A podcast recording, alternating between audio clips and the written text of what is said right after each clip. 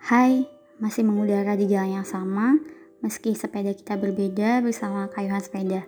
Nggak kerasa nih, udah sampai di episode 25 Random Discussion, dan juga sangat tidak terasa kita sudah ada di penghujung bulan puncak musim panas, akhir Agustus. Dan selamat menikmati akhir dari musim puncaknya musim panas di tahun 2021. Semoga apa pun yang sedang kalian perjuangkan dan apa pun yang sedang kalian doakan, Allah akan selalu membersamai kalian dan Allah akan memberikan keberkahan dan juga kalian bisa mendapatkan apa yang kalian mimpikan. Amin. Oh ya ini pengakuan lagi ya di awal podcast ini tanpa skrip. Jadi aku cuma pengen menyampaikan hikmah yang aku dapatkan setelah mengobrol bersama seniorku.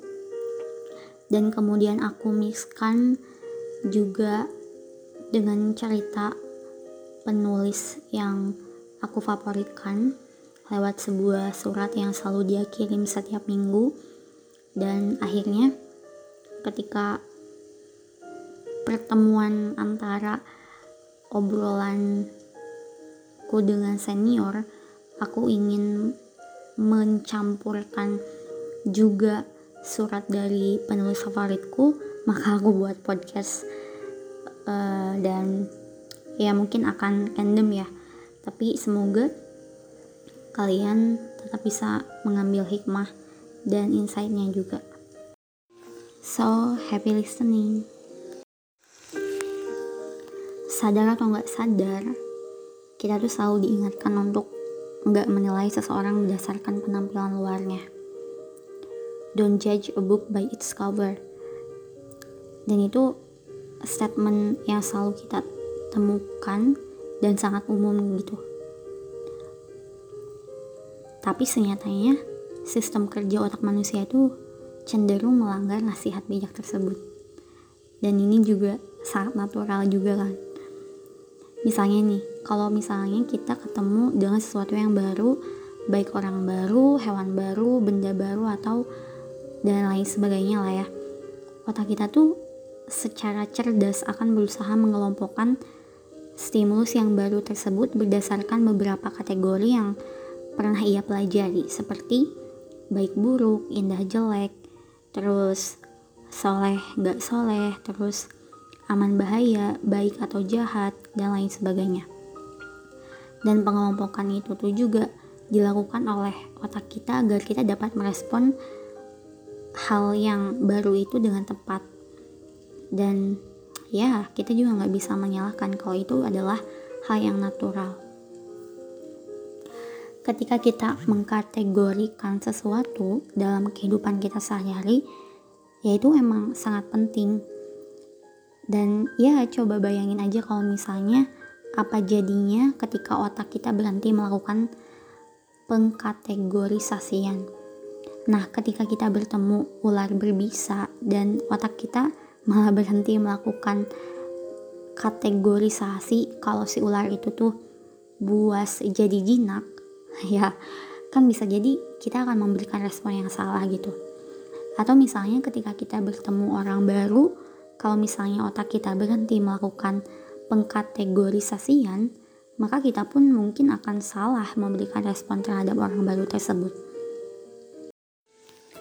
Nah, tapi kategorisasi yang aku contohkan dua itu mungkin sangat jarang terjadi ya. Karena otak kan juga akan secara otomatis mengelompokkan stimulus yang bakal kita temui dalam kehidupan sehari-hari ya. Jadi memang otomatis tanpa kita sadari ya kita bakal langsung mengkategorisasikan kalau misalnya wah ini salah, wah ini bener gitu.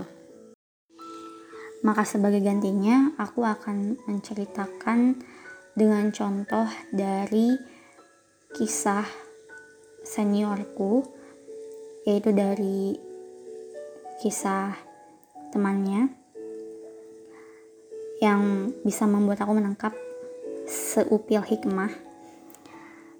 Nah, jadi kan di perusahaan seniorku ini karena di tengah kondisi pandemi ini sangat sulit untuk berinteraksi dengan orang di luar gitu dan untuk menerima tamu pun juga itu nggak boleh ya tapi kodarullahnya teman seniorku ini tuh menerima tamu. Dan tamu ini datangnya dadakan secara tiba-tiba tanpa memberitahu si teman seniorku ini. Dan setelah itu karena tamunya pun nggak tahu peraturan yang ada di perusahaannya oh ya by the way perusahaannya itu kan jadi apa ya kayak ada mes gitu ya. Jadi seniorku dan temannya itu ya memang tinggal di sekitaran perusahaan itu gitu.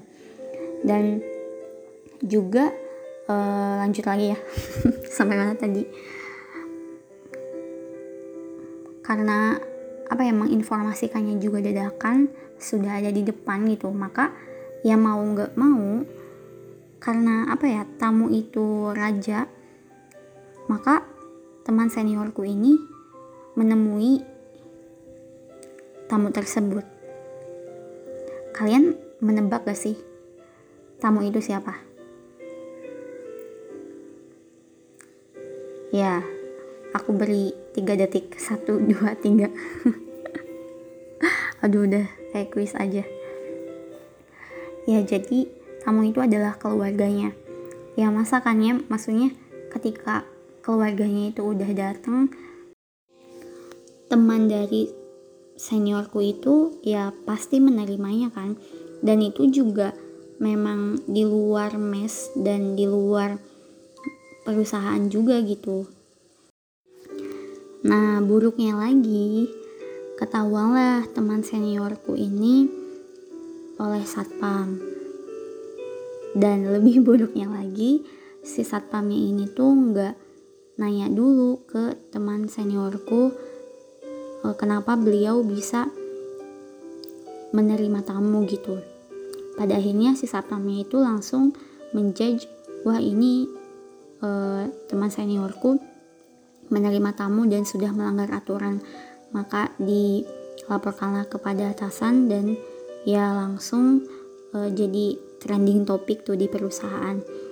Tapi uh, karena memang sudah sangat apa ya salah karena tidak meng cross check terlebih dahulu dan tidak mengkomunikasikan atau mempertanyakan sebenarnya siapa tamu itu. Kemudian kok bisa untuk uh, menerima tamu. Padahal kan sebetulnya teman dari seniorku itu juga sudah tahu kan uh, aturannya kayak gimana. Cuman kan karena kondisi lapangan yang kodarullahnya si tamu itu adalah keluarganya kemudian mengabarinya secara dadakan. Dan teman seniorku juga ya bingung juga harus melakukan apa masa harus mengusir gitu kan.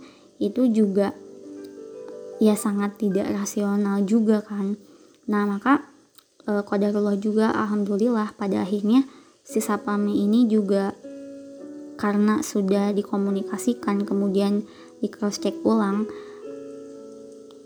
pada akhirnya satpam meminta maaf kepada teman seniorku ini.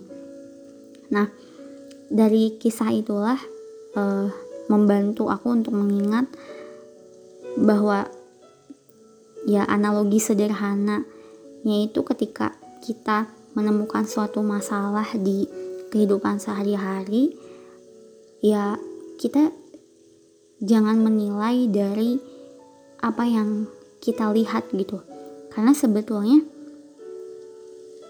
belum tentu apa yang kita lihat dengan mata kepala kita sendiri itu pun adalah sebuah fakta sebelum kita mencari tahu kebenarannya langsung kepada orangnya gitu. Nah ini kisah pertama. Kemudian kisah keduanya adalah datang dari penulis favoritku yaitu coba deh ya uh, aku kasih satu pertanyaan dulu kalau misalnya nih kamu kenal sama seseorang yang punya bau badan, apakah kamu akan memberitahunya atau kamu bakal menanggung bau badan dari seseorang yang kamu kenal itu?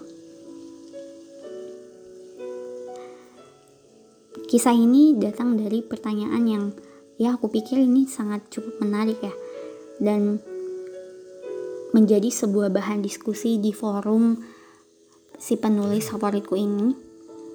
Nah, ketika beliau memberikan pertanyaan kepada para audiens, ada yang menjawab, "Ya, aku akan meredam semuanya karena aku akan terlalu takut untuk menghadapi orang itu gitu tapi ada satu orang yang bijaksana juga dia menjawab ya kalau masalahnya itu bisa diperbaiki dalam waktu kurang dari 10 detik ya aku bakal beritahu orang itu misalnya jika ada sesuatu yang tersangkut di giginya atau jilbabnya terlepas atau kancing bajunya nggak lurus atau lain sebagainya maka ya aku akan memberitahu. Tetapi jika itu bukan sesuatu yang bisa dia perbaiki di tempat, ya aku akan menghindarinya. Dan ada satu orang yang menjawab dengan kebijaksanaan yang luar biasa dan menurutku juga jawabannya itu keren sih. Orang ini bilang, sebelum aku menjawab, aku akan mengisahkan sebuah cerita bahwa ada seseorang di tempat kerja dia yang memiliki kasus bau badan yang sangat buruk. Dan buruknya di sini tuh mungkin sangat buruk banget gitu. Sampai si HRD-nya itu harus turun tangan. Nah, tapi alih-alih membuatnya merasa canggung, salah satu pemimpin tim kami mengambil kesempatan ini untuk bertanya apakah dia baik-baik saja dan apakah ada yang bisa dia bantu. Karena ketulusan dalam membantunya, aku dan teman-temanku kemudian mengetahui bahwa sebetulnya dia adalah tunawisma.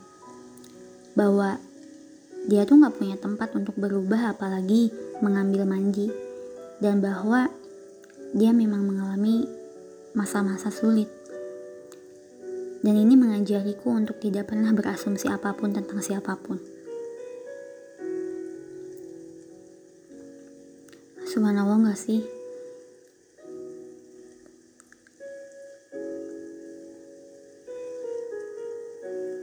Aku tuh jadi mikir banget lewat tulisan beliau. Untuk menegaskan kembali kebenaran klasik kalau apa pun yang terjadi tidak akan pernah benar untuk membuat asumsi atau penilaian tentang siapa pun, karena kita tidak pernah tahu apa yang mungkin dialami seseorang dan jenis hari apa yang dia alami, atau beban apa yang mungkin dia pikul, atau masalah apa yang mungkin sedang dia hadapi.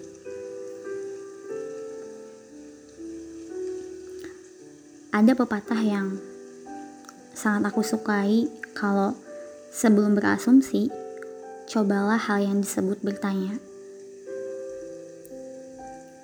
Tapi sayangnya, sebagian dari kita terlalu nggak peduli untuk bertanya dan ya mungkin itu memalukan. Karena ketika kita berasumsi, kita mungkin kehilangan kesempatan untuk benar-benar membantu seseorang yang sangat membutuhkan.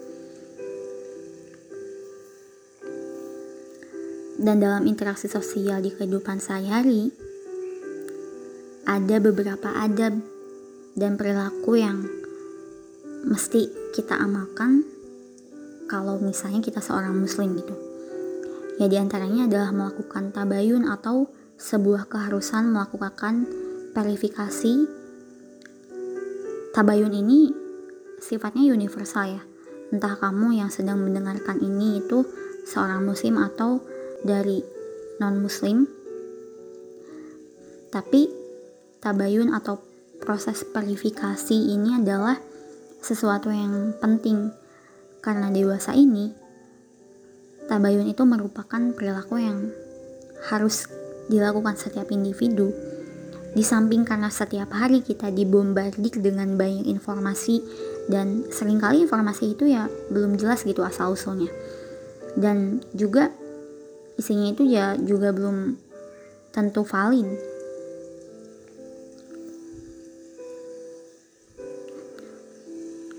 Nah lewat dua kisah itu aku jadi merenungkan untuk lebih jauh dan menyadari bahwa jika bukan sebagian besar masalah sebenarnya berasal dari kita yang memberikan penilaian yang gak adil dan gak benar pada orang lain. Karena ada perbedaan mencolok antara benar-benar mengenal seseorang dan kisah hidupnya versus hanya mendengar tentang kisahnya. Karena hanya karena kita mendengar bukan berarti kita tahu. Karena kan kita juga nggak tahu apa yang dibutuhkan seseorang untuk bangun dari tempat tidur hari ini, datang ke tempat kerja, dan menghadapi hari dengan senyum yang dipaksakan. Kita juga nggak tahu siapa yang diam-diam hidup dalam kesakitan, dan kita juga nggak tahu sebetulnya masalah apa yang sedang dia hadapi dalam hidupnya. Nah, maka ini juga berlaku untuk sesuatu yang lain. Misalnya, ketika kamu melihat seseorang berhasil dalam sesuatu atau merayakan hidup mereka, mulai sekarang jangan pernah berpikir, "Oh, dia mah mudah." Oh, dia mah punya privilege. Oh, ya dia mah emang pintar. Oh, dia mah emang kayak gitu, gitu. Karena kita tuh nggak tahu tentang malam-malam panjang tanpa tidur yang mungkin seseorang habiskan untuk memperjuangkan apa yang ingin dia capai, atau sesi tahajud tanpa akhir yang dia habiskan untuk berdoa kepada Allah untuk memperjuangkan hal tersebut. Nah, jadi jangan menjadi salah satu dari mereka yang banyak bicara tentang kehidupan yang belum pernah mereka jalani. Sebaliknya, marilah kita menjadi salah satu orang yang selalu mengamalkan dan menebar kebaikan karena begitulah seharusnya hidup kita jalani. Jangan lupa untuk selalu bertabayun dan memverifikasi terlebih dahulu sampai informasi itu benar dan jelas kebenarannya. Terus bisa gak sih otak kita itu berhenti untuk don't judge a book by its cover dengan tegas, tentu jawabannya sangat bisa. Yaitu dengan cara saat kita melihat, mendengar, atau mencium sesuatu yang salah, alih-alih kita melewati atau bahkan memikirkan penilaian yang kasar, coba deh ganti dengan doa. Dan alih-alih kita berasumsi, coba deh kita tawarkan bantuan sebagai gantinya. Dan alih-alih mengabaikan, cobalah untuk tersenyum sebagai gantinya. Sebab sekali lagi, hanya karena kita mendengar bukan berarti kita tahu. Dan apa yang kita lihat sebelum dicari tahu kebenarannya bukan berarti itu adalah sebuah fakta. Karena dunia yang lebih baik dimulai dari kita. Kayuhan sepeda pamit. See you next episode. Until next time.